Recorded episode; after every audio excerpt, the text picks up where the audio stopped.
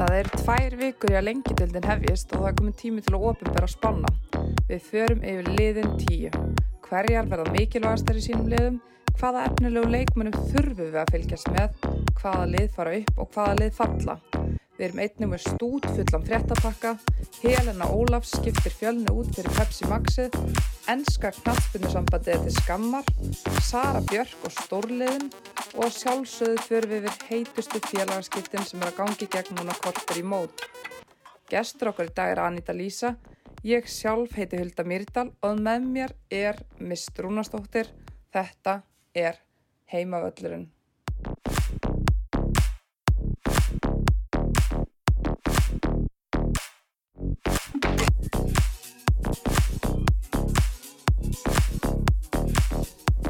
Jæja, velkomin Anita, langt síðan síðast. Já, takk fyrir að bjóða mér aftur. Hvað ertu búin að halda þig? Ég er búin að halda mig mest í Vesturbænum, búin að færa mig frá Akranesi og, og komin í síðmenninguna í Reykjavík. Erstu flutt? Nei, bara ke keira milli en Já, maður er mest þar Ch allavega. chilla í Vesturbænum. Já, það er gott, gott að vera þar. Kaffi vest. Já, stundum. Herðu, en já, þú ætlar að koma og fara með okkur yfir e, spá fyrir lengjudeildina í dag Já, og hérna, kannski áður en að við dembum okkur í það, þá er náttúrulega ímislegt að frétta núna þegar boltinn fer loksins að rúla á stað mm og við erum náttúrulega hérna í dag hulda í bóði okkar besta fólks. Dominos og Hekla. Þau bjóðu upp á þáttina vanda. Því líki mistarar. Þú verður nú að segja það mist. Annars væri við ekki hérna. Annars væri við ekki búin að ná í Anitu. Það væri ekki fyrir Við hefum Dominos ekki mútað henni með pítsu og góðu skulli. nákvæmlega. Dominos selur, góða pítsur og Mhm. þú pantaði vel í dag, Hulda. Já, hvað, það var surprise og grammetis, basar, Fyrir mist. já. en Jú, jú. hérna, hvað er ég að byrja?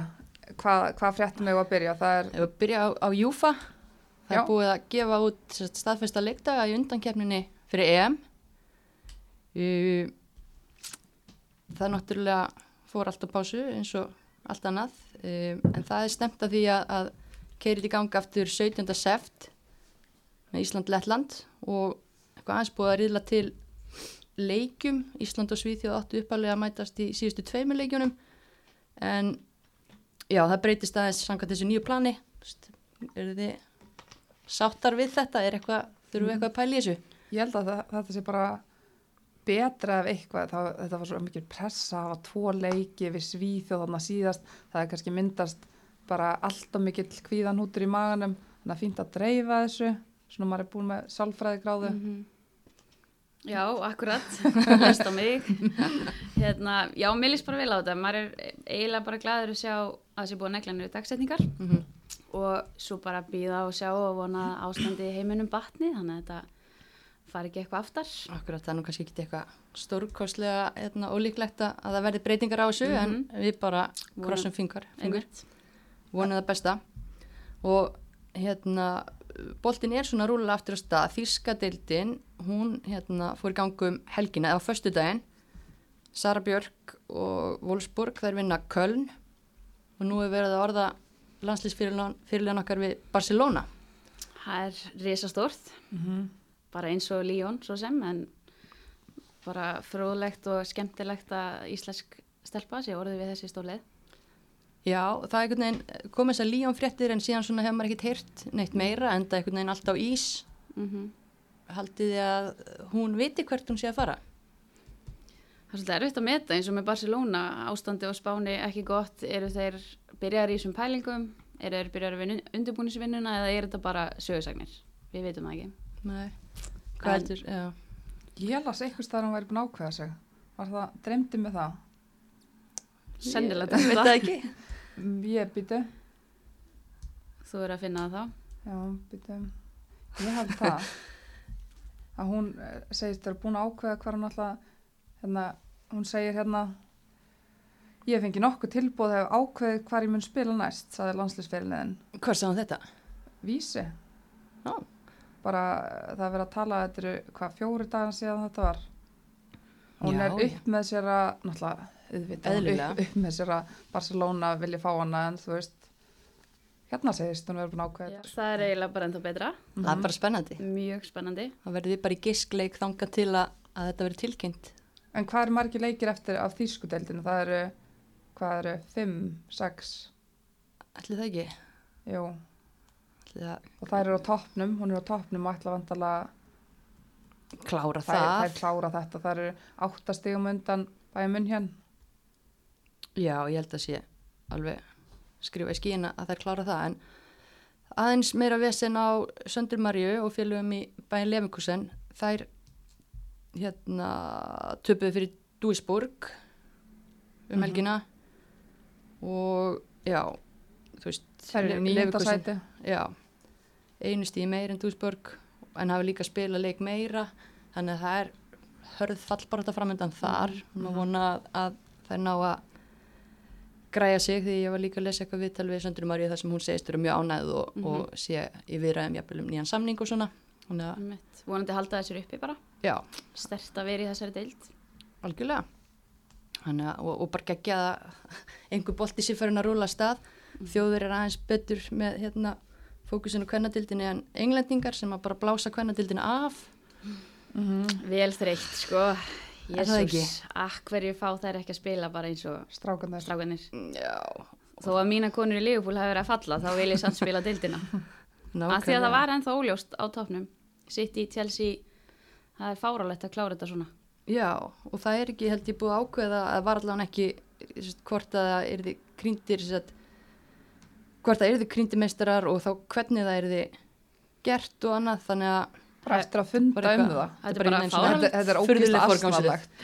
Að eftir að funda um það, haldið þið fundin og bara talið þið svo við okkur. En nenni ekki einu svona funda. Nei, nei, það veit ekki neitt. Einmitt. einmitt. Og meira að segja hérna Phil Neville, hann, nei, já, Já, hún er náttúrulega bara talandi, talandi um kjánalegt að hann kemur með ykkur yfirlýsingar um að hann, hann er náttúrulega búin að segja upp sem landslistjálfari Englands og það er verið að leita nýri mannesku þar, það var verið að auglýsa á, á vefnum hjá F FA ef einhver vil sækja um það hérna stendur við leik, já, sorry. Já, nei, nei, en bara, þú veist, hann einhvern veginn tekur fram að hún maður leist svo í þessu starfi að því að það er ekki nóg að gera, þú veist, Mhm. það er alveg rétt, hann er ekki með lið út á velli á hverjum degi, en, en hérna, Sérstök orð frá landsleis já, líka manni sem er að fá svona rosa tækifæri einhvern veginn upp í hendunar. Og bara frábært lið í höndunum. Já. Frábært leikmenn. Vorkinu hann ekki neitt. Nei, þetta er eiginlega bara... Nei, nei, farið hefur fyrir betra, segir Já. við bara, fyrst að þetta er attitútið, en hérna, já, já, já, og Sif, hún er mætti, hún, hún letur hérna, ólíktinu ekki stoppa að segja að taka þátt og, og, og í fótboltanum, komin inn í stjórn leikmanna samtaka sænskudeldarinnar, Mm Mjög áhugavert. Mm -hmm. þar ætlur hún að berjast fyrir réttindum, hérna, barshafandi kvenna og svona, já, ebla, eins og hún náttúrulega bara, þegar hún kom inn í viðtal til okkar hulda, við trúðum ekki því sem hún var að- að segja með st- aðstæðina sem hún var í þegar hún var ófrísk og eignar sitt fyrsta barn. Hún átti bara, hún átti allavega fyrir mat, samt var hún atvinnukona. Mm En hún ætlar að koma því þarna á í Svíþjóð eins og bara búið að vera að gera í bandarísku deildin eða ekki. Það er komin reglgerð þar sem að stiður við bara óléttar konur Já, og verðandi mæður og það er haldið sínum launum en það hefur ekki verið gert í Svíþjóð þannig að það er bara mjög jákvæmt að fá sifin í þetta og bara já, þetta er líka bara svona e, nýr punktur, ég meina það er alltaf að verða algengur og algengur að konur hætti ekki bara í fótbolta þegar það fara að Mhm. eignast börn sem er náttúrulega frábært og þetta er þá bara e, eitthvað vandamál sem þarf að leysa í kjölfarið á því og bara flott þróun og geggja það að Sif taki slægin í þessu því að við vitum alveg að það kraftur í henni og hún á eftir að gera góða hluti þarna. en kona, konaveikunar Já, við verðum að velja hana. Harpa Karen Antonsdóttir geggjað að sjá hann að taka fyrstu mínútuna sínar eftir krabbameinsmeðferð. Mm -hmm. hún ætla bara ótrúlega, hún kom hérna og var sérfræðingur á heimavellinum síðasta sumar og og hérna síðan bara gerist það fyrir hana kornunga að hún greinist með eitilfyrir með krabbamein og er bara búin að vera í krabbameins meðferð og já, því harki sem því fylgir en hún er krabbameinslaus, tók korter á móti káir í æfingarleik Mm -hmm. Frábært bara. sýstir Hildar Antons og Heiði Já. sem er endar hægt en, en ég minna Harpa er, þú veist, hún á yngri landsleiki, hún er góður leikmaður ef hún hérna kemst, kemst í gang og bara fer að spila. Já, hún er frábær, frábær leikmaður og líka rosalega flottu karakter og, og það tala allir um það sem hafa verið með henni í liði að þjálfa hana og annað og þú, þú sér það bara á þrautseginni sem hún hérna hefur sínt núna í, í þessum slag. Þetta er Bara algjör fyrirmynd, töffari. já. Þetta var svona gæsáðu moment. Já. Sjá hana koma inn á og, og vera búin að yfirstíða þetta, vonandi. Alveg Mhm. bara. ummitt, þannig að það er bara geggjað. En hérna kannski svona stærsta svona helina náttúrulega hættir með fjölni og út af þá Pepsi Mar Max mörkunum. Anita, Mm þú kannski, þetta er fáranlegt hjá henni. ja, þetta er, þetta er fálega tímasetning. Þetta er ekki hægt. Nei, þetta er, þetta er vond bara. Vond fyrir fjölni og, og, og vond, fyrir kvennaboltan. Mm Já, þá bói hana einn eftir sem aðalþjálfari, kvenkins aðalþjálfari í mistralöki, einmanna, en, en hérna, einmitt, þú veist, glötu tímasetning, en það á náttúrulega að vera nýtt format á Pepsi Max mörgunum í sumar, þau voru tekinu upp í bytni að kvöldi til og ég kaup alveg þau rauk frá heilinu að þú getur ekki búið liðniðinu upp á það að, að hérna, að því að það lág alltaf fyrir að Pepsi Max mörkin ættu að vera í forgangi, sko, að, að hérna, já, bila á leikjum eða æfingum til að Nei, og það er líka bara jákvætt ef að mitt Pepsi Max mörkin verða stærri og betri og að mitt fastur tími, það skiptir bara miklu máli, þannig að fólk horfa á þáttinn. Ef þau ætla að gera þetta vel, bara þú veist, það var hríkarægt að vita ekkert. Það var illa svona auglýst í fyrra og margir að tala um það bara hvenar er þátturinn og, og veist, og róta á þessu. Já, flott núna system að hafa bara þátt einu sinni í viku ef það er ekki akkurat umferð í deildinni þá er þetta að tala um sænsku deildina, fyrstu deildina, byggarinn, bara eitthvað. Það verður alltaf umfjöllun um hvernig fókbalta. Algjörlega, sem er, er frábært og, og hérna, það verður mjög spennandi og líka í rauninni sko eins leðilegt og þetta er gagvart fjölni og tímasetningin og allt það, þá gerur fjölnir virkilega vel í því að sækja Dusan Ivkovic sem þjálfara. Það er ekki gengið að því hérna vísu að, fá einhver topp þjálfara svona stutti fyrir mót en ég þekki Dusan ágætlega, ég hérna, hef þjálfað með honum bæði hjá þrótti og fjölni fyrir nokkrum árum og var með honum með mitt á UFA þjálfarnámskeiðinu, þetta er toppmaður, mjög metnaðafullur, kann leikin inn og út, var núna síðast að þjálfa í akademíu út í Kína, Já, þannig að hann er alveg komið með ágæta reynslu. ágæta reynslu, er, er serbi og hefur líka reynslu þaðan. Þannig að ég held að mér líst mjög vel á þessa ráningu hjá, hjá fjölni, þannig að þetta er kannski ekki alveg jafn mikið hell og þetta leit út fyrir hérna, Nei, náttúrulega gott að fá mannin sem hefur starfað áður hjá klúbnum. Þá ertu svona, þekkir aðeins staðarhætti og svona annað sem er á svæðinu eitthvað, í staðan fyrir að fá einhvern alveg glæni hann inn, þó að hann þurfa að kynna sleikmennunum, þá allavega þekkir hann umhverfið og, og kemur svona inn einmitt sem bara mjög sterkur þjálfari. Gott fyrir leikmannahópin. Já, þannig að hann mætir sprækur í lengjudeildina geggjað að, að það skulle vera komin hérna, styrtaraðali á fyrstu deildir kalla á hvenna mm það er ekki lengur inkasso heldur lengjudeildin Nei, ég mitt bara inkasso í tvö ár þá, búið hjá þeim, komið nafn á deildina, það hljómar vel allavega. Og bara þó þetta hvað er þrjár vikur í að hún hefist bara flott, mm bara akkurat, right on time. Já, yes, en, En- hérna, já, félagskipti hvað er heitast á markaðanum stelpur? Uh, fyrsta sem ég sá bara var Berglind Baldurs farin úr, farin norður, aftur heim, já, ætlar að spila með Þór Káa hún er uppalinn þar í Káa, já, ok, búin að vera hjá blikum og, og augnablík og bara hörku góður leikmaður, fætt 2000 uh, stelpa sem ég myndi vilja sjá meira í meistaralóksbolta þannig að ég held nú sé að fara norður til að spila. Já, bara mikilvægt fyrir hann einmitt að fá að spila í og fær starra hlutverk þarna og bara, já, hvað, hún spilaði tvo leiki fyrra fyrir blika, hún á að fá að spila miklu meira. já, hún getur það alveg, ég Já. er mjög hrifin af henni. Mm. Ástralst ungstyrni í þrótt. Laura Hughes miðjumæður fætt 2001 held ég kemur frá Canberra United. Þetta á að vera mjög efnilegu leikmaður. Það er spurning hvar hún er eða hvar hún stendur.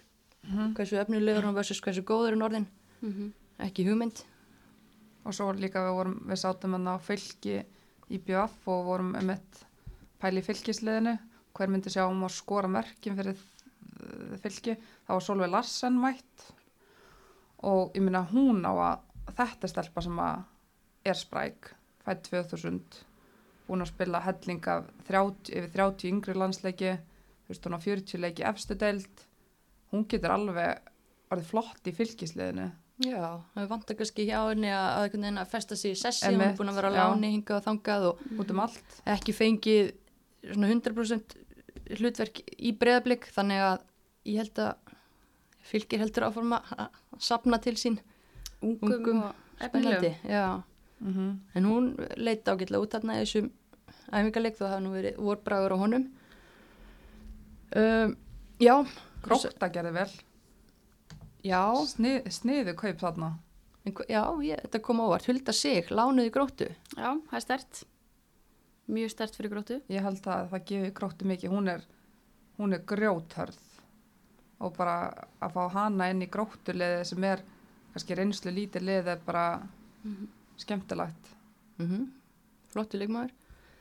Svo hérna er Katrín Hanna Haugstóttir, markverður sem spilaði síðast með Keflavík. Hún ætlar að vera í augnablík í sumar og Telma Ívars er á leiðinni í FH.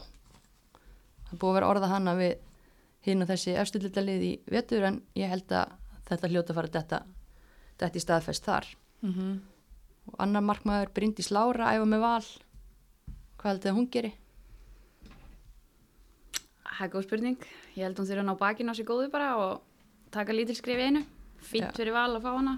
Hún er gott backup ef að eitthvað klikkar en hún verður þá líka að vera í standi. mm algjörlega svo er náttúrulega bara bunkin ef maður kíkir á, á félagskiptin bunkin á leiknistelpum að að skipta yfir í fram það er því miður búið að leggja leiknisliðið niður þannig að ég að segja að þessi sama rúta að fara yfir til fram og fór sérst úr kvítarittarunum í leikni fyrra, þetta er búið mikið sömun upp Já, þannig að ég vona að þetta sé ekki eitthvað svona eitthvað ára sem fylgi en maður liðið er að vera alltaf lagt niður Er það ekki?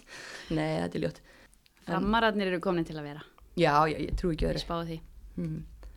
En hversu næs var það að, að hérna, geta loksins farið þeim eitt á völlin og sé eitthvað æfingarleiki í síðustu viku? Já, gott. Það var eiginlega, maður trúði valla að maður væri að horfa á live fótbolta.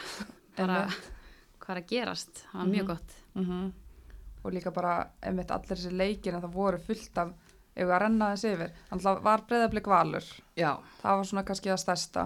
Mm. 2-1 fyrir, fyrir val. Fandi svo góð í leiknum. Nei, er. Hún var, Hún var ekki best.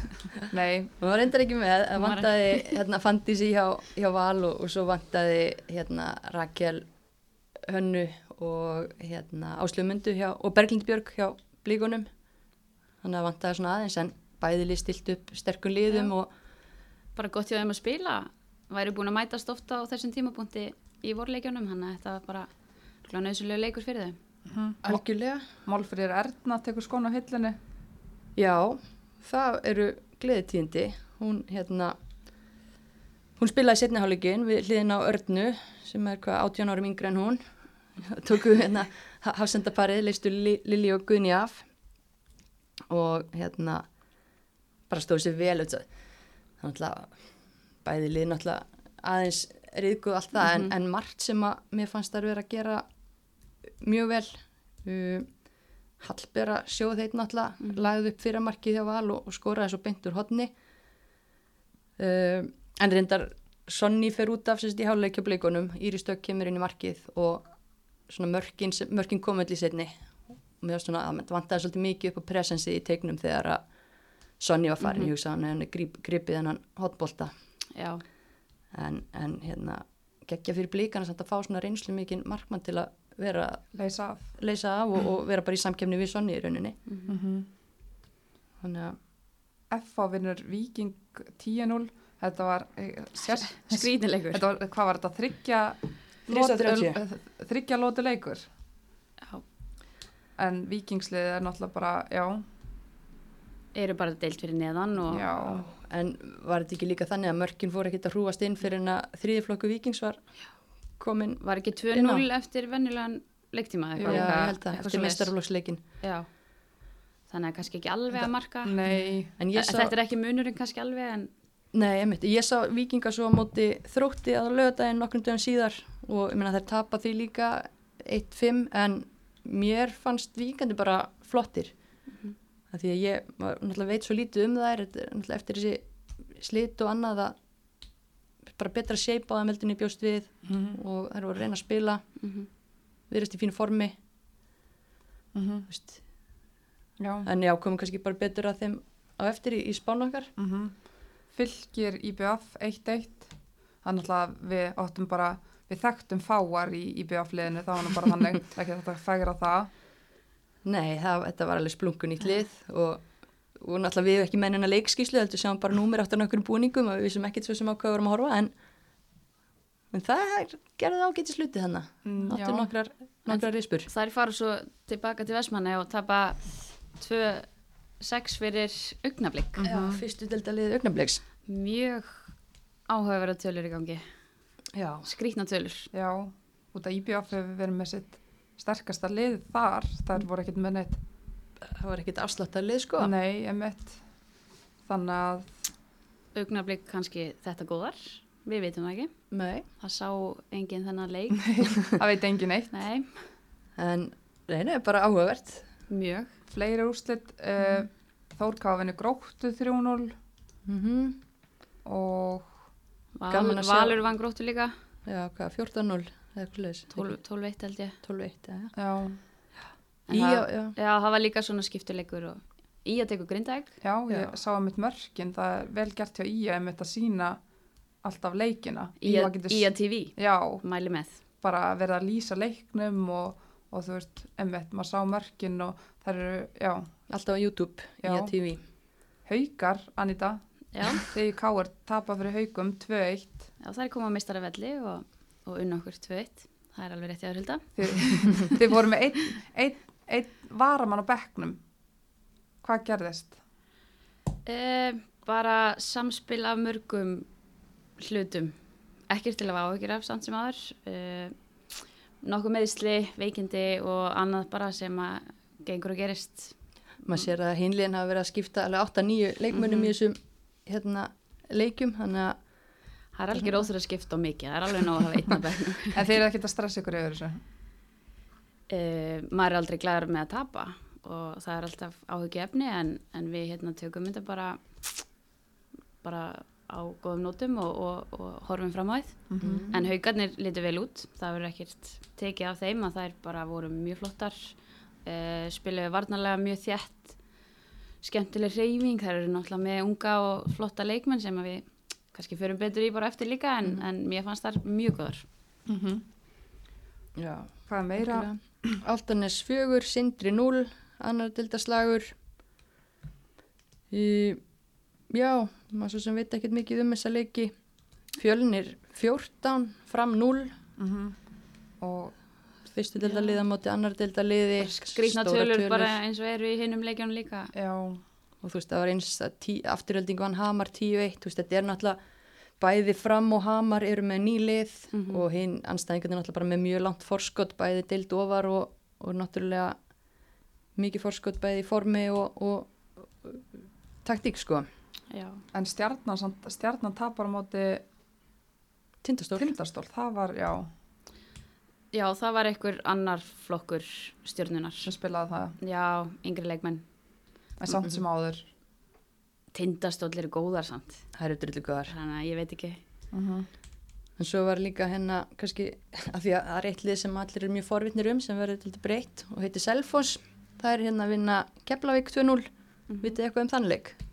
Ég, Dagni Brynjas var ekki með, Okay. uh, veit það, þannig að vantar alltaf eitthvað, en það vantar líka eitthvað. Uh, nokkur leikmenn sem voru ekki með, svona ég er kannski bara eins og er hjá flestum liðum í þessu leikjum, ég held að sé kannski ekki allir með fullskipaðan hóp strax, en, en ég heyrði bara að Selfoss voru sprækar, keflæk voru sprækar, bara Mhm. fýt æfingarleikur. hún byrja að skora nýju sendarinn skora mark og Erna Guðjón skora hitt Ná, hún getur skorað. Já, Já, markmaðurinn hjá Selfoss á vist samt að vera eitthvað next level Já. Bara besti markmaður sem að Íslandi hefur fengið, segja sumir. Síðan Chantal var hérna, Það það er eitthvað spennandi í gangi þar, sko. Mm engin pressa. Alls engin pressa. Nei, nákvæmlega. Já, já, já. En er þetta ekki bara orðið fínt af æfinguleikjum? Jú, ef að fara, ef að vinda okkur í bara spána. Lengju deildar spá 2020. Lengju deildin, þetta er svolítið eins og lengju byggarinn, Já, en, en einmitt. við tökum þessu. Þetta Já, er sumardeild. það er náttúrulega ekki lengju byggar í, í ár, þannig að eitthvað þurfum að hafa með, með lengju í. Nákvæmlega. En tíundasæti, hverjum spá við tíundasæti í hérna lengju deildinni? Herðu, við ætlum að spá nýliðum Völsungs tíundasætinu. Já, Það voru erfiðu vetur hjá þeim, það voru lengi þjálfara lausar Já, og það er svona mútkiller eftir frábært síðasta sumar hjá þeim, því líka stemningu og gleði þar sem þær vinna aðra dildina, bara mjög verskuldað. Mhm. Um, en þær eru búin að missa leikmenn, erlendur leikmennina sína, Huldu Ósp, Ösp og hérna bara konar með eina í staðinn. það er eiga er enda kannski að fá uh, tvo leikmenn fyrir mót útlendinga önnur frá Bandaríkinum og hinn frá Trinidad en Mhm. það eru ekki komnar, það er ekki víst hvort það gangi eftir, þú veist, þetta er allt svona Mm -hmm. þannig að, en það er náttúrulega eins og þú segir, rústuðu deildinni fyrra algjörlega, töpuðu ekki leik fengu aðalstein Jóhann sem þjálfara. Já, en rosa seint. Já, og Mhm. manni fannst það svona pínu einhvern veginn dissu þetta flotta liðið þú veist, maður veit náttúrulega ekkert hvað var að gerast að baka tjöldin en svona einhvern veginn með fréttaflutning og annað, menn okkur var þetta ekki bara mm græja strax og þú ert með þennan meðbyr. Já, þú veist, já, en já, þú veist, segjum að, að þessi tveir erlendu leikmenn komu bætist við, þá er náttúrulega aldrei að vita hvað þær gera, þær eru með geggjaðan heimavellarna Mhm. á Húsavík og, og vonandi þær hafi vakið bæjabúa henni fyrra með frábæri framistöðu, þannig að Mhm. kannski ef það ná að búa til eitthvað víi þar þá eru það líklegar til að fara að hæra en mér finnst erfitt að spá þeim Já, svo líka hefur maður séð minna af þeim kannski, þannig að það er auðveldast að spá þeim hana. Maður sá ekki marga leiki með þeim í fyrrasumar mm -hmm. uh, og eins og þú segir missa þarna óljós með, með útlendinga, uh, missa þjálfaran sem var örgulega stór partur af þessu líka, hann Jón Andrjús. Já, Þannig að það er, það er meiri spurningamerki þarna, kannski heldur en á mörgum öðrum stöðum. en mikilvægasti leikmaðurinn hjá Völsung fyrir mér er það Harpa Áskistóttir fyrir liði og ungfrú Húsavík sammála því. Ég sá um daginn hann að hún er að kenna hún er umsóknarkennari Guðrun og Þóru. Hún er Æðislegt. 2004 einn þeirra, efnilegasti leikmaður. Hún kennir henni. Það er mjög gott. Mjög þetta Já. er svakalega kósi Sjáu fyrir ykkur hver var umsjónakennarinn ykkar í tíundabekk Það verður bara með henni í klefanum. Aðeins öðru í þessi stemning. en einmitt Harpa er búin að spila 170 leiki fyrir Völsung. Hún bara því líka karakter og bara heldur utanum þetta lið en svona eitthvað spennandi til að fylgjast með. Guðrún Þóra er náttúrulega Já, ég sagði Guðrún Þóra, já, svakalega efnileg og skemmtilegu leikmaður. Já, algjörlega, alveg bara klárt. Við erum sammála um það allar. Það er ekki? hún var náttúrulega líka kosin efnilegust í annar deildin í fyrra fætt 2004 þannig að Já, það er svona bara, kannski segir sér sjálft, mest spennandi að fylgjast með henni. Algjörlega, næsta skref, fyrsta deild. Mm Lengi deild Lengi deildin. en nýjundasæti, hverji falla með Völsung ef þetta gengur eftir Við vorum nú ekki alveg sammála þar.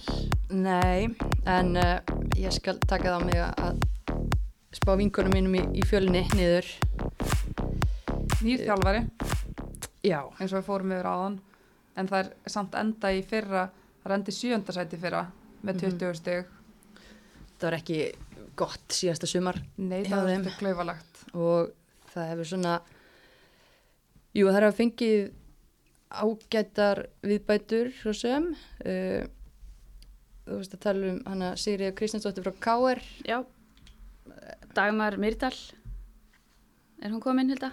já, mér frett það þannig að hún Einhver staðar. já, Haldur að sé frá Val og, og Leila frá Altanis sem er allt fínir spilarar en það er svona aðeins meiri blóðtaka kannski hverjar eru farnar búin að missa slatta af sko, leikmönnum og ekki bara leikmönnum sem eru góðir inn á vellinum heldur líka svona sterkir karakterar utanvallar og það sem ég finnst líka vega þungt í þessu er að mér finnst uh, Íris Ósk Valmundsdóttir vera besti leikmaður fjölunis og hafa Mhm. verið það undanfærin ár það er ekkit víst að hún verði getur verið með í sumar, hún er brjósklós og það verður orðið bakslag í endurkominni á henni Mhm. og það vegur bara mjög þungt Já, það er ansi stort og vond. Að þetta er já, mikið unga stelpur náttúrulega og, og Mhm. svona einmitt ef, að- harpa er frökin Húsavík þá er Íris ungrú gráður sko Mhm. En það er með eins og daginn í Páls í markinu. Já, hún er eitthvað búin að vera með þeim. já, Hún er góð, Já. Magga Ingþórs líka, eða Já, ekki? tveir- þetta? tveir góði markmenn. Emmett geta varið og, og ég meina, fekk helna hana yfir í þá fjölni. Hún var að þjálfa hann í Selfoss. Já, hún byrjaði að þjálfa Dani í Selfoss 2010. Uh, svo hefur hún svona fyllt henni aðeins. Hún kom upp á Skaga í fyrra sumar. Já. Bjargaði okkur í fyrsta leika því að Tóri var í banni Mhm. og Anita var í U16 verkefni eða eitthvað. Og Dagný bara er frábær í marki. Mhm. Bara Henni ekki líka rosa góð í klefanum. Jú, hún er svona eldri leikmaður sem að fjölnir, hún kannski gæti bætt upp pínu það sem að það er missa frá Írisinu vellinum. Hún tala mikið, mm leiðbynir, en það er svolítið líka bara undir henni komið að vera í standi þá og alltaf taka þetta skref. Mm. Kolbrún hefur líka, sýstir Maríu, hún hefur verið að æfa. Kolbrún Tinna, Já. Egilsdóttir. Já, hún var þarna, hún var samt líka að spila með fylki þarna á móti IBF, þannig að hún er ennþá ákveða sig hvort hún var Já. í fjölni þá eða fylki, en það verður náttúrulega gríðarlega stert að fá hana. Hún er mjög flottur hafsend og er bara leðilegt hvað hún spilaði lítið með stjórninni þarna allan setna Mhm. sumarið. Ef að Kolbrúndina fyrir fjölinni þá mögulega hoppaður upp úr fallseti eða hvað. Mm. Já, algjörlega og ég ætla ekkert eitthvað steinfella þær en mér finnst svona bara einhvern veginn með að við mómenti núna þá Það er myndi ég setja já, hana en þú veist, kannski mögulega einu tveim ofar Þetta er líka bara svo unglið, þú veist, en þú sagði Sigriður Kristjáns fætt 2000 frá KR, Mhm. Lilja Nótt sem að verður út á kantið, fætt 2001, Sara Montoro, eh, 2003.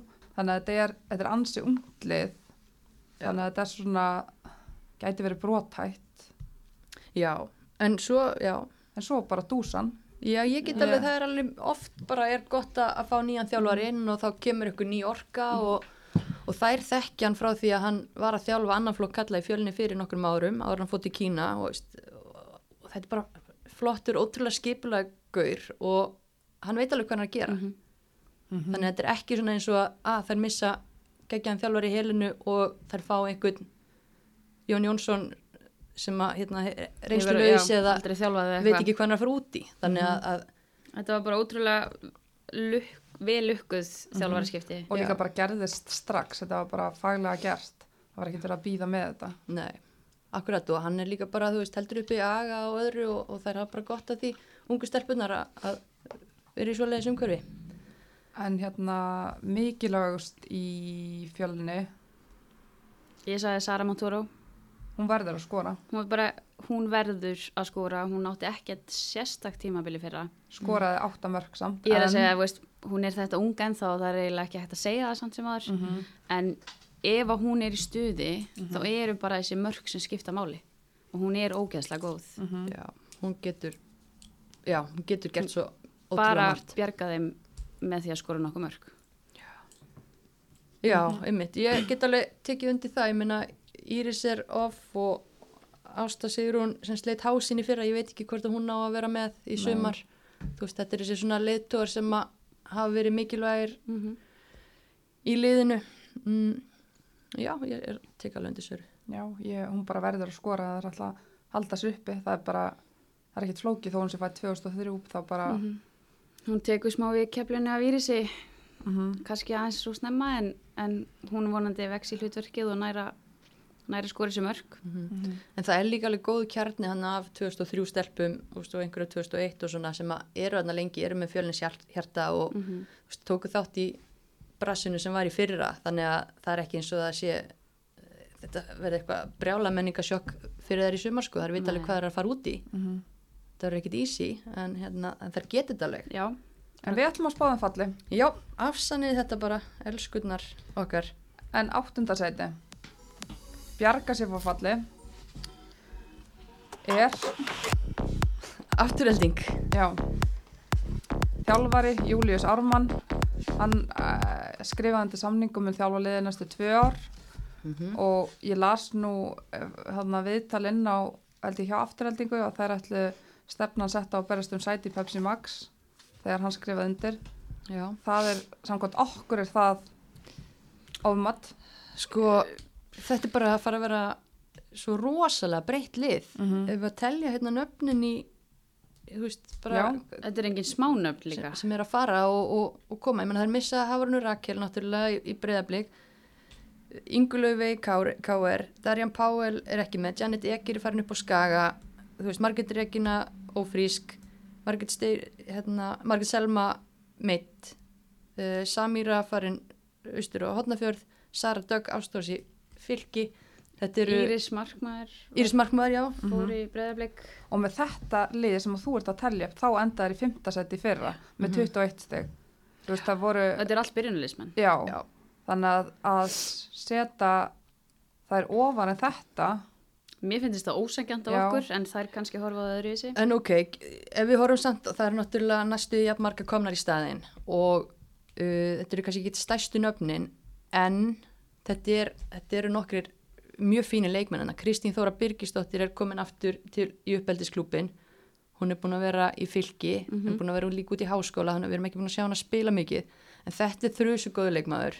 Ég veit ekkit hvernig veist, standu hún er í eða, eða neitt slíkt, en, en hún er hörku góð. Cecilia Líf Valgeisdóttir eh, kemur frá IBVF aftur í afturheldingu. hún er- verður mikilvæg fyrir verður mjög mikilvæg Já. fullt af reynslu mm, stu, Alda Ólafs komin úr FH hún á að skora mörkin þetta er, þetta er svona svolítið spurningamerki Já, þetta eru leikmenn sem geta alveg verið góður og búrið uppi en Mhm. við vitum það. Það er erfitt að segja núna. já, Mér finnst þetta ekki það stór nöfn að maður bara, hei, vá, afturhelding verður í einhverju toppar eftir sumar. nei, algjörlega en þetta er samt allt stelpur sem að getur verið í, í viðrinnar Pepsi hópa og annað Já, já. þannig að, að hérna en kannski svona ekki, ekki alveg nú afgerandi Mhm. þannig að þú veist, það myndi ekkit sjokkera mig ef afturhelding yrði nokkrum sætum ofar og það er eiginlega sama með hennan pakka þarna sem við erum að fara að telja upp fyrir ofan þeirra þetta er bara svolítið, heldur að verði svolítið þjætt spennandi. Já, ég held að líka. Bara spennandi deilt. En hver er þá mikilvægast af þeim? Hver er líkil maður hjá afturhaldingu? Það er góð spurning. Já. Það er erfitt að segja. eins og, þú veist, Cecilia Líf er náttúrulega að fara að koma inn með mjög mikla reynslu Mhm. uh, Kristín Þóra ef hún er í góðu standi og gísla Mhm. fljót. Já, Sigrun Gundi sem var hérna náttúrulega öflug fyrir fyrir hún er að koma tilbaka eftir badneik þannig að maður veit ekkert hvenna hún dettur inn en hún er náttúrulega rosalega mikilvæg í, í klefanum mm. Al, Alda, hún verður að skora. Já, svona með við leikmannalistan þá er hún svona ég vona að ég sé ekki að gleyma ykkur en svona, hún er náttúrulega pjúra center Mm Mm -hmm. það er svo sem engin önnur alveg þar Hver ég var að setja á? Er, er ekki samt Cecilia Líf? Minna, hún var byggamestari 2017, hefur spilað, jú. veist, 150 leiki eða eitthvað. ég, ég slæ ekki hendina á móti, En af hverju, af hverju fer hún í afturhaldingu?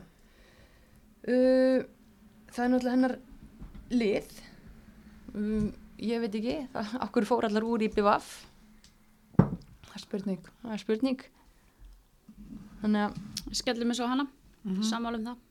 Og mest spennandi kannski að fylgjast með, veist, ég myndi setja þar einmitt Kristín Þóru. Já, Bara gaman að sjá hana og sjá hann að spila alla leiki vonandi. gæti hún ekki og- sótt sýsti sína. Sigriði Þóru. og það eru þrjára Já. ekki Sigriði gæti skorað. já, já, já, já Það er og það er aftur Þannig að áttundasætið er afturhaldingar. yes, en Hulda sjöndasæti Við settum þar uh, nýleðana eða það ekki? Er Jú. ekki með hérna, gróta? hinn er nýliðanir Já. Magnús var á svona fyrsta ári fyrra með gróttu og kemst upp úr annardeldinni. Liðið er náttúrulega bara að byrja fyrsta árið hjá þeim í með hvenna liðið er 2016 þannig að það eru mjög nýjar. En búin að vera bara mjög stigvaksandi og Mm búið að vera svona skinsanlegt utanum hald og bara flotti hlutir að gerast út á nesi. Mm það er kannski þú veist, ég veit ekki sjönda sæti það er alveg fer, held ég, spá. Með að við leikmanna hópa og Já, Og svona annar- nýliðar, uh, ungar, margar, en á sama tíma, eins og þú segir, skynsalegt utanumhald, mjög skynsanlegar styrkingar líka inn í leikmannahópin, fá þannig að leikmenn frá val á láni, þau eru ekkert að fara eitthvað fram úr sér heldur, vilja svona held ég halda þessu svolítið líka á gróttu stelpunum sem eru. mm, að svona, ég held að þau séu bara að vinna eftir góðu plani. við erum með stóran og góðan æfingahóp. Þurfti mér þess að skera aðeins úr honum bara eftir COVID, þannig að það er luxusvandamál sem að ekki döllið inn í þessari dild búa við. Mhm. En eins og nú hefur eins og hún hérna Brasilíu hérna Tassiana. Já, Tassiana hún hefur verið mikilvæg fyrir þær síðustu tvei ár, hún er ekki fara að spila núna. Díta var í markinu. Er Tinna Brá, hún er vendal í markinu. Já, ég held hún sé alveg tilbúin í þetta. Já, fætt 2004 bara, ég meina við verðum að láta þessar efnilegustu stelpur okkar spila. Mm og jú, vissulega alltaf meira á að setja ungan markmann í marki heldur en ungan sender Hún er samt tilbúin, sko. hún spilaði fyrra, Já. gerði það vel Hún er orðin miklu stærri og sterkari núna. Hún átti við skóðanleik fyrir norðan Mhm. á móti Þór Káa. Þannig ég held að hún sé alveg 100% klár. já, já, já, hún er alls ekkit að fara að vera eitthvað slagast í markmaðurinn í sér í deild sko. Ég hef bara, minnst það bara mjög jákvætt Já, Og- bara gott skref að gefa henni þetta sumar. Mhm. Ekkert óþvara stress. Nei, nei, alls ekki og ég meina það er svo sem grótt allar að halda sér uppi, er klárt en það er ekki pressa að Fara eitthvað Fara- lengra kannski. eða ná þessu sjöndasæti skilur það er áttundasæti, það eru ekkit brjálaðar yfir því Nei. en, en hérna við hefum bara fína tilfinningu fyrir þeim En mikilvægast í gróttu hmm, Það eru nokkrar. já, -hmm. Sýrun Asp fyrirliði náttúrulega heldur við lutunum þetta Mm Svo náttúrulega hulda sig. Ef hún kemur á kraftið að niður þá ertu komin bara með eina sem er til í að berjast sko fram á nótt bara. mm, Það vil engin mætinni held ég. Nei, jésús, það held ég ekki. Og náttúrulega Tinna Jóns, fætt 1996, þú veist, hún hefur spilað 60 leiki fyrir gróttu og skorað um 30 mörg, Mm en það er náttúrulega í kannski, emitt, annara deildinni og, og hérna en hún verður líka að skora. já, en eins og við vorum að tala um líka hérna fyrir vetur að hún allavega fyrir COVID þá var hún bara komin í miklu betra stand heldur en hún hefur verið í Mhm. hérna, og bara einhvern veginn er bara að færa sig upp á skafti ég held hún sé alveg tilbúin í þessa fyrstu deild hún hefur alltaf skorað hvort sem það er í öðrum flokki eða, eða annari deild og hvort sem að liðin er að vinna 5-0 eða tapa 10-0 þá skora Tinna Jónsdóttir alltaf mörg Já. það er alveg magnað þannig að ég held að vera mjög gaman að sjá hana taka skrefið þannig í sumar Mm Já, Signý Ylva kemur líka frá val, hún á að geta skorað. já, Það er svona annað option. mjög gaman að sjá hana í mestarlags Mhm. fótbolta Mjög. og eins og þess að nefna, þetta eru skemmtileg þetta er svona, já, ódýr en klók innkaup hérna á nesinu Emma Steinsen, ég held að hún geti komið okkur skemmtilega óvart. Mm. Góð, útrúlega góður ungur leikmaður. Hvað er hún gömul? Tvö, fjögur eða þrjú Já. eitthvað um það já. Mm Svo er með hana líka Rakel Lóu Brynjarsdóttir sem að ótrúlegt en satt rátt fyrir ungan haldur verðist halda vörðinu svolítið saman. Það verður áhugavert að fylgjast með henni. já. Svona uh, karakter, Mm mikill karakter. já, ég held að sé alveg fullt af karakterum í þessu í þessu liði og svona Já. mikið hjarta þannig að Já, og bara stemning, þú veist, kallaliðið er líka í Pepsi, það er einhver svona Mhm. gróttu leiðin verðist vera að virka. mm Kannski fyrir en margir byggust við en það breytir því ekki, hún er að virka. Þa- þannig að þær halda sér uppi hjá okkur. já, það er verið að gera það En hérna, hvað erum við þá komin í sjötta, sjötta? Sjötta. Já, sjötta. Og það er, þar settum við augnablik mm okkar, okkar kjúklinga. já, ég hef nálega séð, séð fyrir mér ofar Mm þess vegna sko Þetta verður þjættu pakki. hérna. já, já, já, Það veist, þetta er svona, sjötta sæti er allt í læg. Það er ennþá með sama þjálfara, Viljálm, Viljálm Kári enda í fyrra með sjött, í sjötta sæti í þessum pakka þarna með 20 stig Já, voru ungar sprækar og, og nokkuð góðar í fyrra Mhm. en þú veist, mér, það er kannski pínu skrítið að vera spáðið í sama sæti af því að það er verið betri núna heldur en í fyrra. Ég er alveg sem það. Já, þú veist, Ásta, Átna og Ragnar Björg, reynsluboltarnir, þær eru áfram. Katrín Hanna kemur í marki fyrir Telmu, eins og maður ræða. Og þær eru búin að missa Kristínu Sigurs og Fanny Einars, en aðrar eru ennþá. Og þetta er þetta eru bara landsleis konur. Mhm. Já, bara geggja góðar. unglinga landslýs og það er, svo, úrtagsópur bara einmitt, það er margar sem verður gaman líka að fylgjast með bara Vigdís Lilja, 15 ára Mhm. Þórdís Katla Hildur Lilja bara you name it mm Já, þetta er, þær hefði alveg mátt vera ofar en á sama tíma, Já, þetta reikni líkanið okkar, það hefur hérna, orðið til þess Já. að augnablík hefur óvart svo erum við litaðir að því Sorry. núna þeir voru að vinna í BVF 60. Já, reyndar en þær eru búin að vera flottar í vetur fyrir, fyrir það og fyrir COVID grættu kannski á því að, hérna, það var að leta á samkominbannin það var alltaf svo ungar að þær máttu fara í fótbolta miklu fyrir en hinliðin, Mm Þetta er ykkur það það ekki Þær eru búin að vera spila bara. En nei, nei, ég held að, veist, það er bara fínt að spáða með miðadeild, uh, kemur ekkit óvart eða myndu kroppa eitthvað ofar en Já. ég er mjög hissað að fara neðar. Sammála því. En hver er mikilvægast þar? Úf, Er það gömlu konunnar í liðinu? Ragna. Ég veit það Ástafna ekki. og Ragna eða er það einhverjir kjúlar sem hlaupa endalust? mm, já, hvað finnst ykkur? Ég held að reynsluboltanir fá mitt atkvæði. Bara í ljósi þess að það eru svo mörg lið með góða leikmenn. Mm Mhm. eins og augnablík er með margar unga landslískonur. Jú, það eru reynslu ríkari frá því fyrra. En það þarf alltaf ykkar svona eitt til að binda þetta saman. Já, og svona róa leiki niður þegar það þarf. Mhm. ungi leikmenn oft svolítið æstir. Þær eru allavega miða við hinlegin, þú veist, ég held að allir vilja hafa þessa reynslu bolta í sínu liði í fyrstu telt eða lengju teltinni Er Ásta ennþá að taka yngkvöstin sem hún tók hérna m- með landsliðinu? Þar sem hún fór kollin í sín kannski aðeins minna í því en hún myndi potið gera það mikið hérna lægi undir. Já, hún getur skorað á hana held að Já, færi hún pítsu? Ég veit það ekki Þannig að ég var að setja þetta á þær Ástu og, og Ragnu Já, já, það er erfitt allan að líka fara að gera upp á milli ungustefnuna. Barnana sinna Einmitt, já. Þannig að við setjum mikilvægastar á hérna eldri, Jafnöldur okkar. Já En er eitthvað meiri mögnablik? Í rauninni ekki þannig séð bara eins og minnst segir, geta enda ofar kemur okkur óvart, kem óvart ef hann myndi fara neðar frekar sko. Þannig að það er 15 seti næst. Já, Settu við þá setjum við smá pressu á nýliða Vikings koma virðast bara koma nokkuð vel undan vetri og eftir sambandslitin. Mm og það er svona einhvern veginn búið að takast furðu vel til hjá bæði þeim og háká eftir að samstarfinu var slitið með að við hvað allt var í tómu tjóni þarna síðasta sumar og það er í fyrsta skipti sko með lið í 35 ár. Já, byggt á uppöldum stelpum. 1985 síðast vikingur lið. Það er svona langt síðan 1985 var?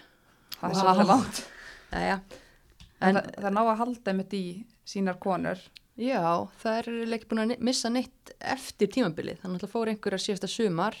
Já, Arna Eiríks fór í val. Já, og, og Karolina svona- Jack Já, og, og hérna Þa- En svo, sem er erfitt af því að það eru að slíta að líka að telja þetta kannski upp en, Mhm. en það er fá margar líka sem eru eins og Nadia Atla og svona er hún ekki uppalinn í Viking yngri flokka ekki pappin er eitthvað Vikings legend þarna? Jú, það svo segir sagan allavega.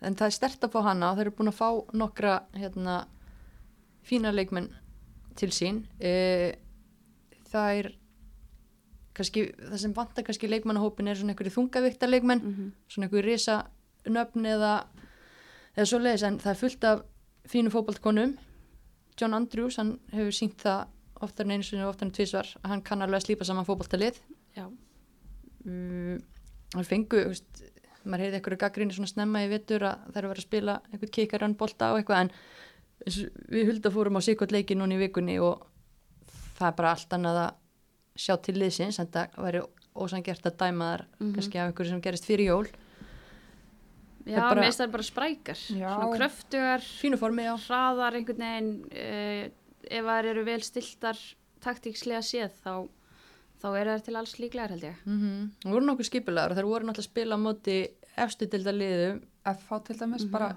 FO þrótti, jú og hérna bara, mér finnst að gera bara Mhm. ágætlega náðu alveg að skapa sér færi og halda boltan líka vel, vilja greinlega halda boltanum og mm bara já og það eru með höllumargrið í markinu -hmm. mikið leiðtogi mm -hmm. Það er sk- skondið í leiknum móti þrótti að, að þegar að þróttu skoraði eftir, eftir fyrstu tvö mörkin þá var bara kalla smala saman í liðsfund mm. ég veit ekki hvort hann gerir það á móti FO líka en það var alveg svona skemmtilegt tók, tók liðið sitt aðeins á teppið og fóru um málin Mm -hmm. Það er bara gegja.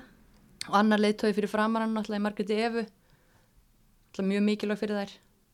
Kannski mikilvægasti leikmaður ef við verðum að Mm fara að telja svo leiðist til. Já, mm. og Halla markmaður, já, svona meðinni kannski. svo verður náttúrulega bara geggja ef að Nadia kemst í einhvern markaskoruna gýr. Mm af því að það er alltaf ekki að taka erlenda leikmann alltaf að trista á ungustelpunar eða heimastelpunar og líka Og- með bara einmitt eins og Dagný Rún fætt 2003 mm. bara spræk, sprækur ungu leikmaður. Það voru að fá nótt núna frá FH önnur stelpa sem getur skorað. Með reynslu líka bara sem skiptir máli. Um, já. Hvað erum við meira? Það er hérna nei bara mikilvægust ég myndi segja Að segja Eva. Margrét Eva líka. Hún Halla þarna rétt og eftir og bara gaman að Halla sér komin aftur á milli stangana eftir hérna, þetta bras sumar síðasta sumar hjá henni. -hmm. lendi lenda meðslum og, og vesenni og tímbilið veginn tekið af henni. En hérna en já, kannski bara pressa henda þeim upp í fymta nýju liði? alveg eins og eh, kemur ekki óvart ef augnablik fær ofar þá myndi ég alveg fyrirgefa vikingum að enda einu eða tveimur jafnvel neðar. En, en þær eru alveg að það er ekkert lið sem er að fara að bóka eitthvað á móti þeim, þær eru þannig Mm fjettar og, og skipulaðar að þær geta gefið öllum leik, maður eru kannski meira áhyggjur af því að þær ná ekki að að klára kannski sína þessa leiki sem að þær eru vel inn í. Einmitt. en hver veit, fjórða sætið. Viltu tilkynna það Hilda? Já. Dam, dam, dam, dam, nú fyrir þetta að vera spennandi. Wow. fjórða sætið fær eftir erfitt tímabili fyrra það er skagamenn Ía lendi áttunda sæti í fyrra 19 steg fjórun stegum frá falli í, í fyrra og bara það leiti ekkert sérstaklega vel út þeim. Uh, já, þjálfarar Aron Ímir Unnar. Þeir eru áfram, mm þeir eru að tekja við í fyrra og þetta er bara spennandi lið. Fullt af flottum fótballstelpum hana. Búin að gera bara vel í því að sækja Jacqueline, hvernig ber maður eftir námið fram? Pusell? Ég ætla, ég ætla ekki að reyna það. Nei, ok. Húsel Pusell og, og Janet Egir sem er náttúrulega bara orðin eh, hérna, fyrstu delta legend á, á Íslandi frábær leikmaður og fá þær hann tilbaka fyrir framann Anitu Ólafs í markinu sem er orðin árinu eldri og rindar í markinu uh, Já, svo bara Unnur Ír Haralds að koma tilbaka og hún var besti leikmaður liðsins eftir tímabili 2018. mm -hmm. byrjar á að skora í þessum æfingarleik þannig að maður Grindavík fyrsta leik eftir frí Einmitt. Hún er allavega svona leikmaður sem sér alltaf markið Mhm. er að fara að skora fyrir þær í sumar. Spurningin er hvernig, hversu mikið hún getur spila strax, hún þarf að vera glas smá tíma, en algjör leiki leikmaður. svo ertu með náttúrulega hörku fína miðju menna hvernig haldið hann stilli upp inn á miðri miðinu Bryndís Rún, Sigrún og, og Fríða eða?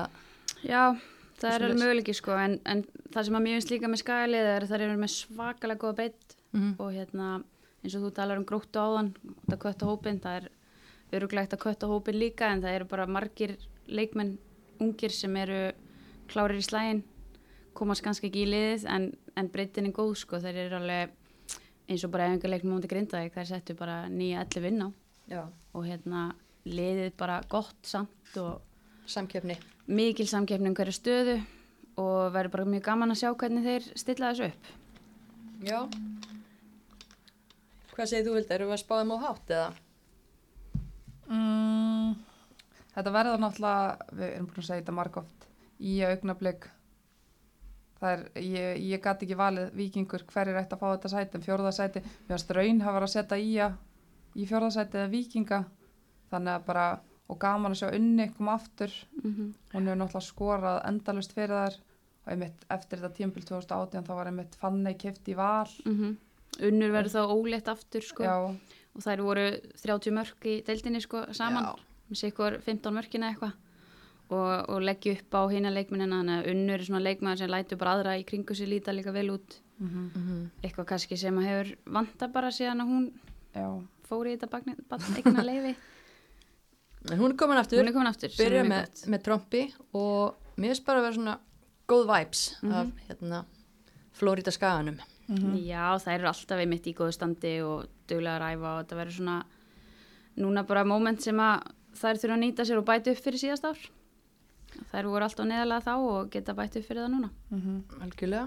hafa vantalega lært eitthvað að síðasta tímpili en myndið ekki segja að mikilvægast væri ég seti Janet þar Mm hún er bara gríðalega sterk Já. Jacqueline, svo sem. já, Maður hefur náttúrulega ekki séð Jacqueline svo lengi. Hvenær spilaði hún hérna síðast? 2016 í Pepsi. Já. þegar ég fjall þá Já, já, en hún er svona leikmaður sko, þú veist, hún talar mikið, kemur ró með henni og kannski það sem að maður sá í fyrra þegar að Tori fór, Anita komin í markið, frábær markmaður en bara ung og óreind að með því að fá inn svona reynslubolta sem að getur styrt þessu og svona róa niður og, og svona styrt línunni, gríðarlega mikilvægt Mhm. að þó leikmennir fyrir hafa alveg verið góður því líka þá munar alltaf bara að fá þessa reynslu inn mhm. Já. bara hún er lúmst fljót hún er með góðan fót, góða skalla hún er bara með svona hlutina hvað að hafa. lúmst fljót ég, ég náði því aldrei uh, hún er, þú myndir kannski ekki sitja hann á kantinn nei, en hún er fljótur hafsend, við skulum Já. bara segja það Verða kannski ekki með sér en, en þegar að öll vatn renna til sjávar þá getur hún þá er hún mætt Já. Já. Jú, er- ég held að mitt og Janet er náttúrulega fenginanna með það uh, reputation að hún er búin að vera í liði ársins öruglega öll árin sem hún hefur spilað á Íslandi. Hún hefur verið viking hún var í Ólasvík Já. viking Ólasvík, afturheldingu fram afturheldingu og þekkir þetta. Mm og bara stór fyrirlegt þetta er svona dæmum einn af þessum leikmönnum sem ákvöru er ekkit efstudillalið búið að reyna við hana? Því að ég hugsa að hún geti vel pluma sér þar en, en bara geggja fyrir í að fá hana og, Mhm. og hérna hún er náttúrulega koma til að vera líkilmaður þannig að það er ekki óverlegt að við við dundrum því á hana ef hún kemst til landsins þar að segja. Já, það er vonandi. Er, þá er hún allavega svona leikmaður, ársins leikmaður getur maður sagt, hefur verið það í sínum liðum og Mhm. alltaf komist í lið ársins og en nú er þrjár vikur í mót og hún þarf að þetta í Drífa sig. sótkví en, en einhver ungur leikmaður, einn ungur til að fylgjast með. Það eru náttúrulega margar ungar en bara svona hver gæti komið okkur óvart mm, um, sko, mér langar að segja Ylva Lagstall 2005 mm -hmm. Bjargum vil veit þessi augnablik en ég veit, held hún sé eitthvað búin að vera meitt þannig ég veit ekki hversu mikið hlutverk hún fær hvort að hún kom allavega ekki inn á móti grindæk maður sá aðeins smjör þegar við að vinna í fyrra já, og leitt bara mjög spennandi út. hún var markahæst hjá þeim í öðrum flokki fyrra sko þannig að hún er alveg leikmaður sem getur skorað. Mhm. ég hendi mínu atkvæði á hana Já, ég er líka bara spennt að sjá Anitu í markinu, þannig að þú veist, þetta var erfitt síðasta sumar eins og við rættum og einhvern veginn að vera svo ungu markmaður sem þarf að stiga inn í það. Mér finnst hún bara að gera það ótrúlega vel og ég held hún hafi lært ótrúlega mikið það sumar. Og hérna já, ég, ég að sjá með. Anitu hún á alveg eftir að geta bara verið flott og, og svona sínt hvað hún getur af því að hún er ótrúlega góð. Mhm, þannig að það er Ía, fjórðarsætið Yes, en þá er það þriðja. toppliðin þrjú. Og það var hausverkur topplegin þrjú. Það er svo hauslöskur en þessar komast ekki upp samkvæmt okkur. Við vorum ekki, ekki alveg sammála um þetta en Nei, en ég held sko að þessi þrjúlið sem er að fara að telja upp núna það, það verði bara þrjúlið að berjast um að fara upp svona, og geti öll farið upp já, hafa bara liðið í það ég sé ekki önnur lið gera atlögu að því á þessum tímapunkti Nei, En við ætlum að setja spútningliðið frá því í fyrra í þriðja seti, tindastóll. Af hverju spáum við þeim ekki ofar? endur líki þriðarsætti í fyrra með 37 stig voru tveimur stigum á eftir FH þetta var svakalega þær voru næstuði konur upp Það var bara sturlað sumar. Jónsi hætti með liðið eftir tímabilið Hætti svo við að hætta, þannig að þeir eru áfram saman, Guðni og, og Jónsi. mm Já, það er eiginlega skrítið að spáðum ekki upp. Já, En finnst skrítið. Að því líka Muriel Tyrnan, halló, besti Já. leikmaður marka af hæst. hverju, af hverju fór hún ekki eitthvað annað Hún vildi ekki fara. hún bara fegst ekki til að fara frá Söðakróki Það voru bara verið að bjóða henni góða díla. Já. Eh, Bara ég hef heyrt frá öðrum liðum, sko. Mhm. hvað er hann að fá á Söðakróki er svona gaman að það Ég hef ekki komið á Söðakrúk síðan ég hætti að þjálfa Er hún ekki bara, þú veist, líðu vel, komin inn í samfélagið já, það skiptir náttúrulega öllu máli og, og svona bara orðin heima kær, kannski. Jú, bara greinilega, það hlýtur að vera. Því að, en því lít stert að haldinni mm -hmm.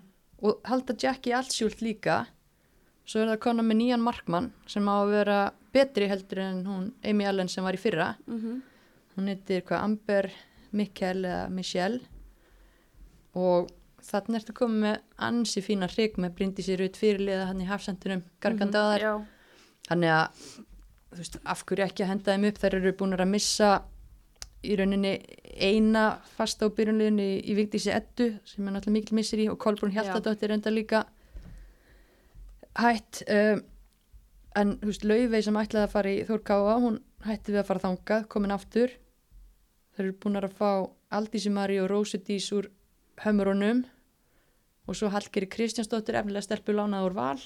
Mm Þú veist, þannig að í rauninni myndi maður halda að þær getur verið orð þetta, já, og þetta sé bara hreinlega sterkara lið, já, en þú veist, það hjálpaði þeim rosalega mikið í fyrra að vera underdogs já. við spáðum sko falli í fyrra. Ég er að segja það, það kannski bjóst náttúrulega engi við þessu, varstu rétt gýrar, ertu núna að fara að mæta þeim og vist bara, þeir þetta er stórlið, þú veist, við erum bara að fara, það er enginn að vannmeta þeir í dag, sko. Nei, en líka bara eru þjálfarinn dildinni búin að fatta hvernig þeir eiga að stoppa Muriel, því að auðvitað er ekki, þetta er ekki einsmanns lið, en Nei. þú veist, come on, það var Nei, samt næstu, ég getur klárað þetta bara, já, þannig laga, sko, þú gætir haft hinnar fyrir aftan miðju og nelta á hana og hún myndi alltaf setja eitt mark mm mér fannst svona það sem að var þeim að falli síðasta sem að var hvað er fengur mörg, mörg á sig og ef þeir ná að þjætta sig varnarlega, þá eru þær betra liðin fyrra. Mhm. Þær eru með ennþá markaskorarna sína og eru alltaf að fara að skora, við vitum það bara. og ætti að geta stilt upp sömu varnalínu og í fyrra og, og ef að frettinar og króknur reynast réttar að það séu með betri markmann Já. Þá er í rauninni ekkert sem ætti að stoppa þér sko, nema er sjálfar bara. Og, en, og en, eins og ég segi nema hinn liðin náttúrulega þú veist þær eru að koma upp úr annar delt í fyrra það voru kannski ekki allir þjálfarnir búin að sjá hana týrinan Mm en núna veit allir hvað hún getur og það hlýtur bara að vera sett bara hersveit á hana Fimm, Já, já. fimm á hana cirka. einmitt þannig að þú veist og þær skora alltaf þrjú fyrir mörk í leik eða eru komin með markmann sem fyllir í markið þá þú veist er þetta bara einfalt reiknistæmi Já. Já, en þetta verður samt eins og segjum, þetta verður það sem að verður erfitt fyrir þær er að einhvern veginn að núna þurfa þær að sína, nú er þær að fara inn í móti sem topplið, Já. geta það staðið undir því. Og það er alveg hægara sagt en, en gert, þannig að þess vegna fara þær í þriðja. Akkurat, kvispam, búm mikilvægust, Uh, Muriel, Já, ok. Þurfum við eitthvað að hugsa það að en ykkur ung og hérna spræk? Ung og spræk um, nú veit ég ekki hvernig staðan er á Kristu Sól sem sleitt crossband síðasta sumar en ef að hún er hérna, henni gengur vel í sinni endurhæfingu þá er hún ung og spræk til að hafa augun á Krista Sól Nílsen Já.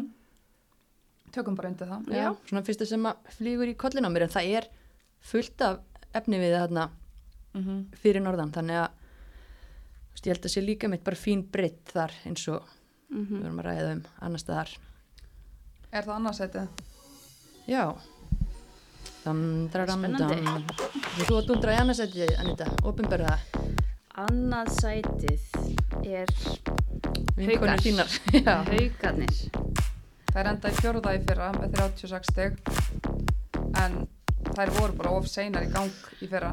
Það var vonbriði fyrra, Mhm. hvað er voru neðalega. allt og senar í gang en þegar það smullu þá voru það mjög öflugar Mm og það náðu einhvern veginn eftir hamfara byrjun að Mm gera eitthvað úr þessu móti og, og settu mikla pressu á liðin fyrir ofans í, í lokin.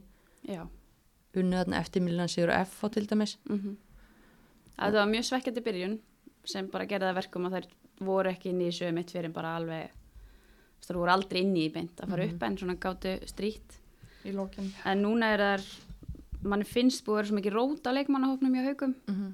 En mér finnst einhvern veginn núna að vera svona meiri kjarni algjörlega, það er sama þjálfara tími Jakob Leo Guðrun Jóna og Mhm. er náttúrulega komið bara góð reynsla þar og þau hafa lært hellinga þessu síðasta tímabili þær hafa litið vel út á undirbúinstímbilinu Mhm. nú síðasta móti K.R. mitt uh, en það er samt, það eru töluvera breytingar, það eru einhverjar hvað, fimm cirka sem eru að fara úr veist, Sierra sem dætt í gang hérna setni hlutamóts, Mhm. hún er í batningarlefi og þú veist, Dili Ólafs náttúrulega hætti hann er mitt tíumbil fyrra Erna Margrét, Helga Magnea, Hildi Gunnur Rún Friðriks, mjög mikilvæg fyrir þær hún er hætt og þær voru náttúrulega með mikið af og Sigurós fór fyrir Keflavík þær voru með mikið af lánstelpum sem voru alveg að spila Mhm. hlutverk þannig að Já, þetta er svona samt einhvern veginn finnst manni er betri svona meiri kjarni en hefur verið bara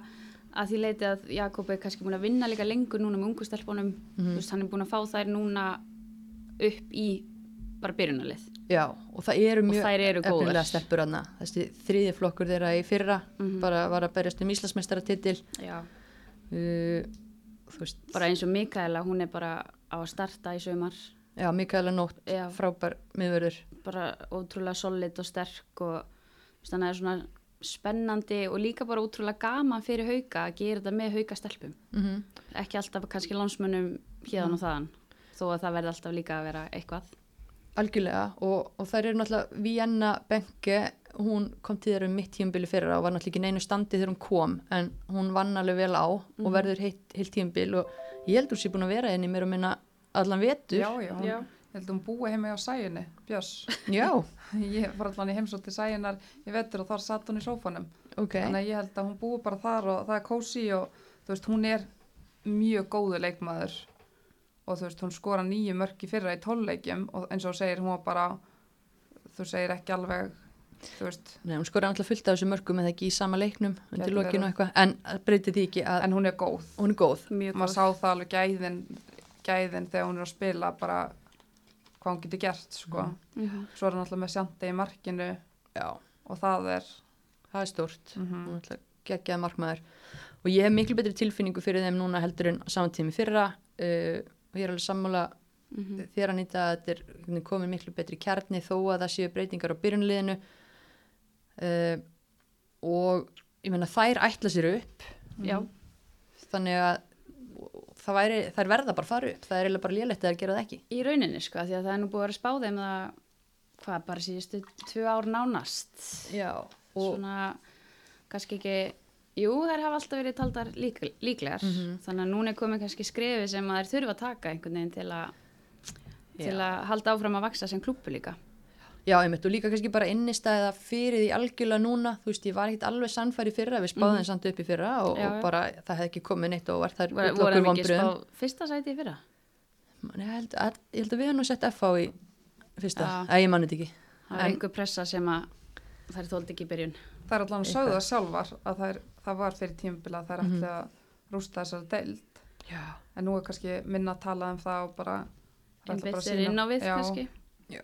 er það það. Jakob hefur verið duglegur að tala um að þessi erfiðasti útivöldi landsins er gerfugrasið í- á ásvöllum Já. það hefur ekki alltaf gengið eftir en það Nei. mjög gaman að fara aðna með skælið og vinna allavega eftir þessu umali Já, ok. Var af það- það að vera erfiðast útvöllurinn þetta er ekkit, það er ekkit ókvækjandi við þetta kannski leiðilegt að kera bara á ásvöldi en það var einhver taktík kannski bara já, Já, nei, nei, en þær, þær hérna, náður ekki að snúa heimavellinu sér vel í, í hérna, hag, hérna undir lokin í, í fyrra. Jú, jú, Þetta var orðið svolítið víi. það er alltaf erfitt að fara á ásvöldi Já. En, það er bara staðanhulda já. Yes, en já, haugar, annarsæti Mikilvægasti leikmaður er Sjanti. Shanti, já, samanlega og mest spennandi að fylgjast með Mikaela Já, og Elin Björg, Já. Simonadóttir, mm svakalega sterk. Mhm. Ég er spennt að fylgjast með henni og líka bara Mikaela eru fleiri aðna, Viktoria Dilja og 2004, -hmm. 2003 og 2004 svona stelpur. Erla Sól Já. var aðeins í, í fyrirastóð sem mjög vel það er fullt að stelpun 2003-2004 Já, þær eru bara góðar. það eru góðar, já Þannig að veist, þetta er bara mjög spennandi og kannski meiri breytt líka þá heldur en hefur verið áður. Mhm. það verður gaman að sjá bara hverjar þeirra hversu margar þeirra verða að starta mm Erla Sól náttúrulega spilaði það vel í fyrra að hún er vantilega að fara Já, að gera það Elin Björg vantilega líka Væntanlega. sérstaklega ef að Sierra er átt og, og eins og segir ef að Mikaela Nótt er að fara að spila veist, þetta er bara mjög sko. spennandi sko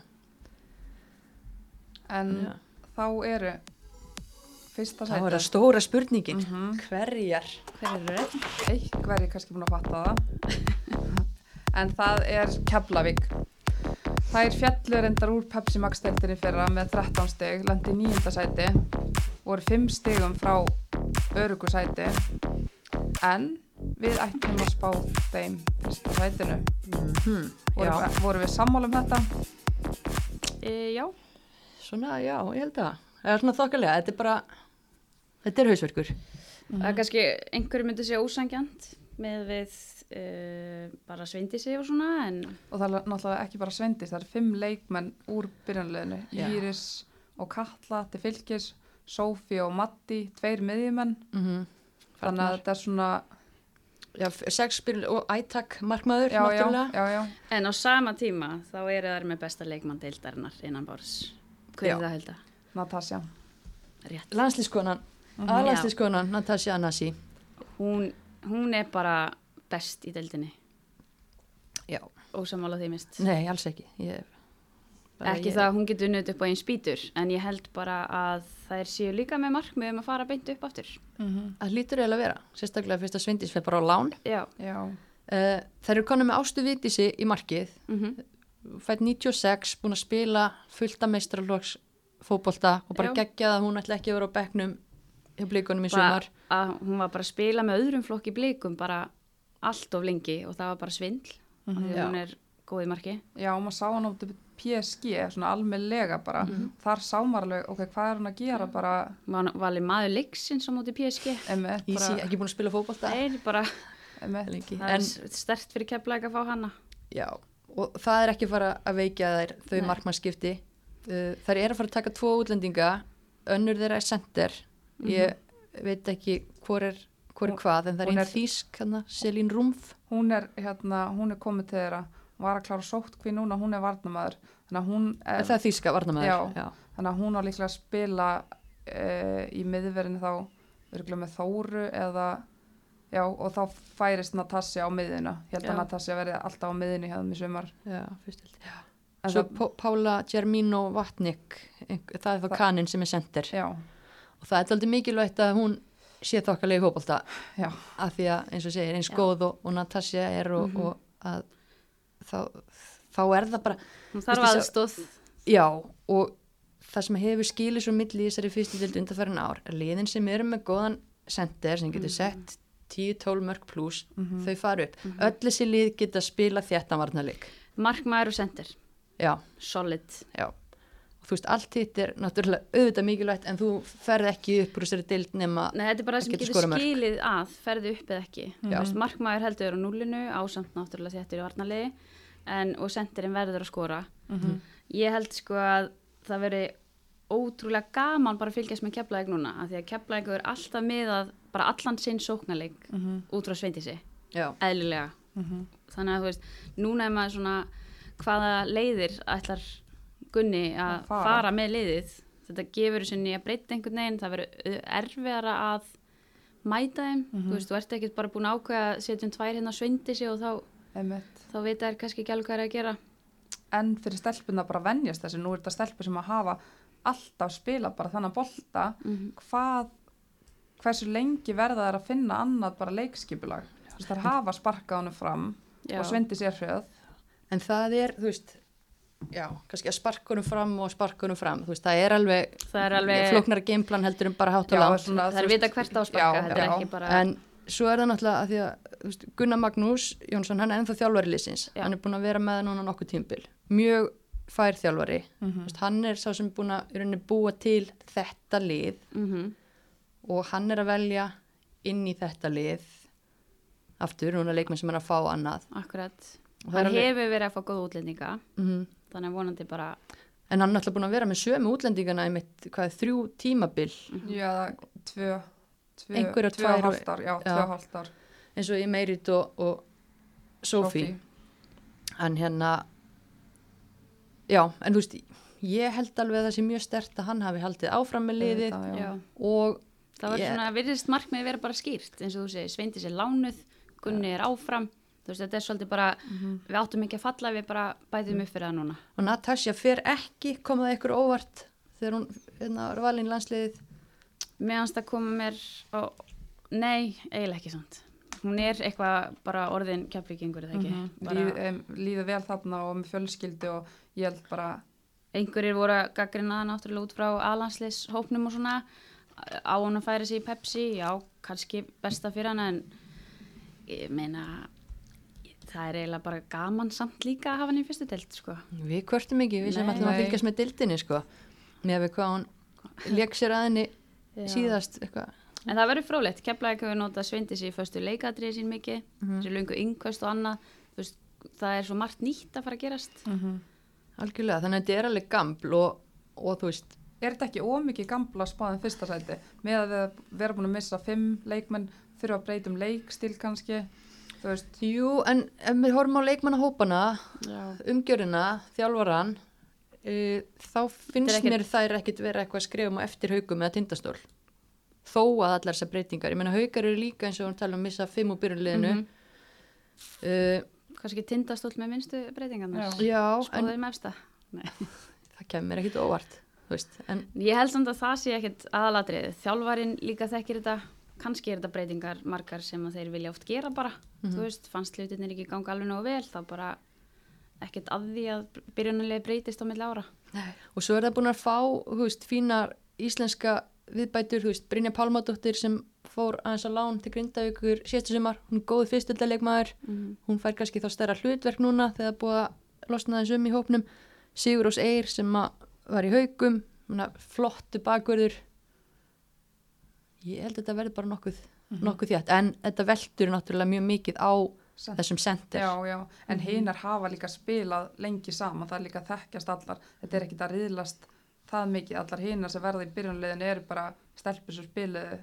Já, Já, þú veist, ennþá með tvíburana Daniels dætur að og Evalindin þetta er hætt sá ég, finnst það leðilegt þeirra. bara nafna mín eftir. já, mm -hmm.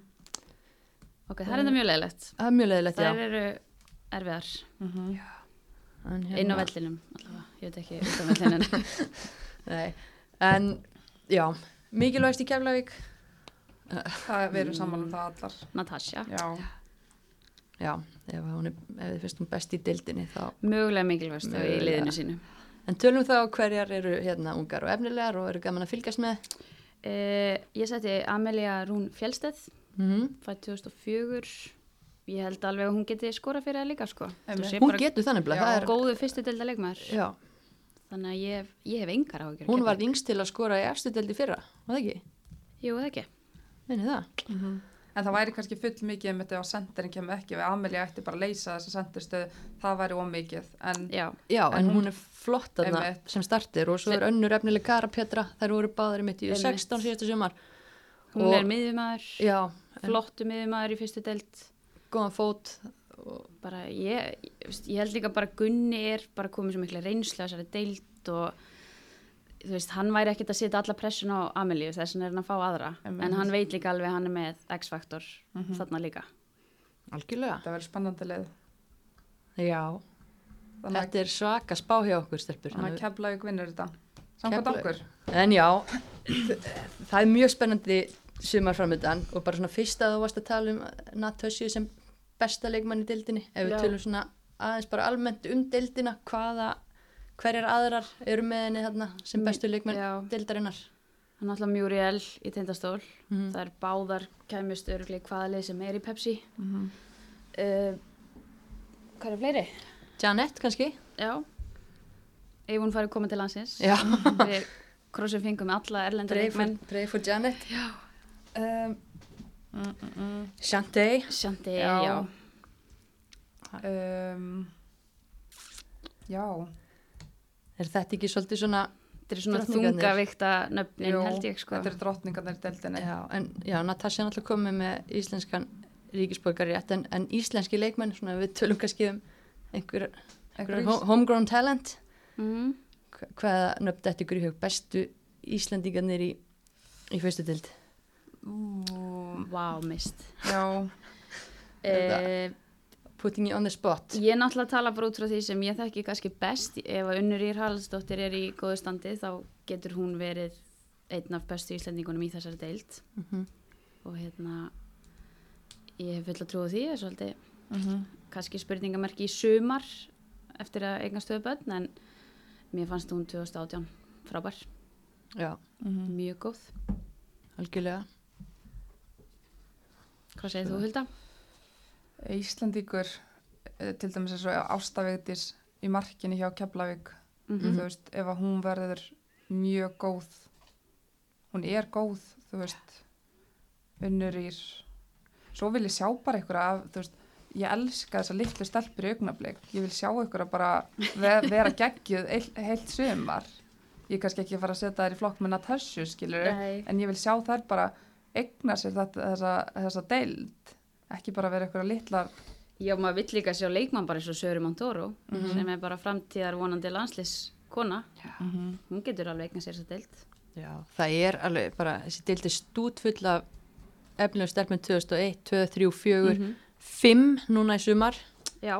og ég meina svo er svo Halla, Halla Margrét sem að er í markinu hjá Víkingum þú veist, ég var að skoða hérna U19 leikina sem hún á, 8 U19 leiki þá var hún bara að starta á veist, leikmenn í því liði voru Hildur Antons Lára Kristín, Sigriður Lára Anna-Maria, þú veist hún á að geta líka verið bara mikilvægust í þessu vikingsliði og bara taka eftir henni Klárt. Já. það er góð markmaður en hérna, hvað ætlaði að segja, fyrsti leikurinn hann er átjónda júni, er það ekki? Jú. afturhelding tindastóll Mm Mm við fjölmunum þangað, Já, Ekki sjálfsögðu. spurning. er það ekki? Þetta verður eitthvað. Er ekki, við þekkum bara aftur, er það ekki Dominos og Heklu fyrir að þessa gæða stund hjá okkur og vondi hjá fleirum heima, Klárlega og, og þér Anita fyrir að koma og vera með okkur. sérfræðingur, Takk fyrir það. lengi deildarinnar Ekki í nýja ár, það geti verið sérfræðingur. mm Fullkomi hendar okkur vel. Það ekki.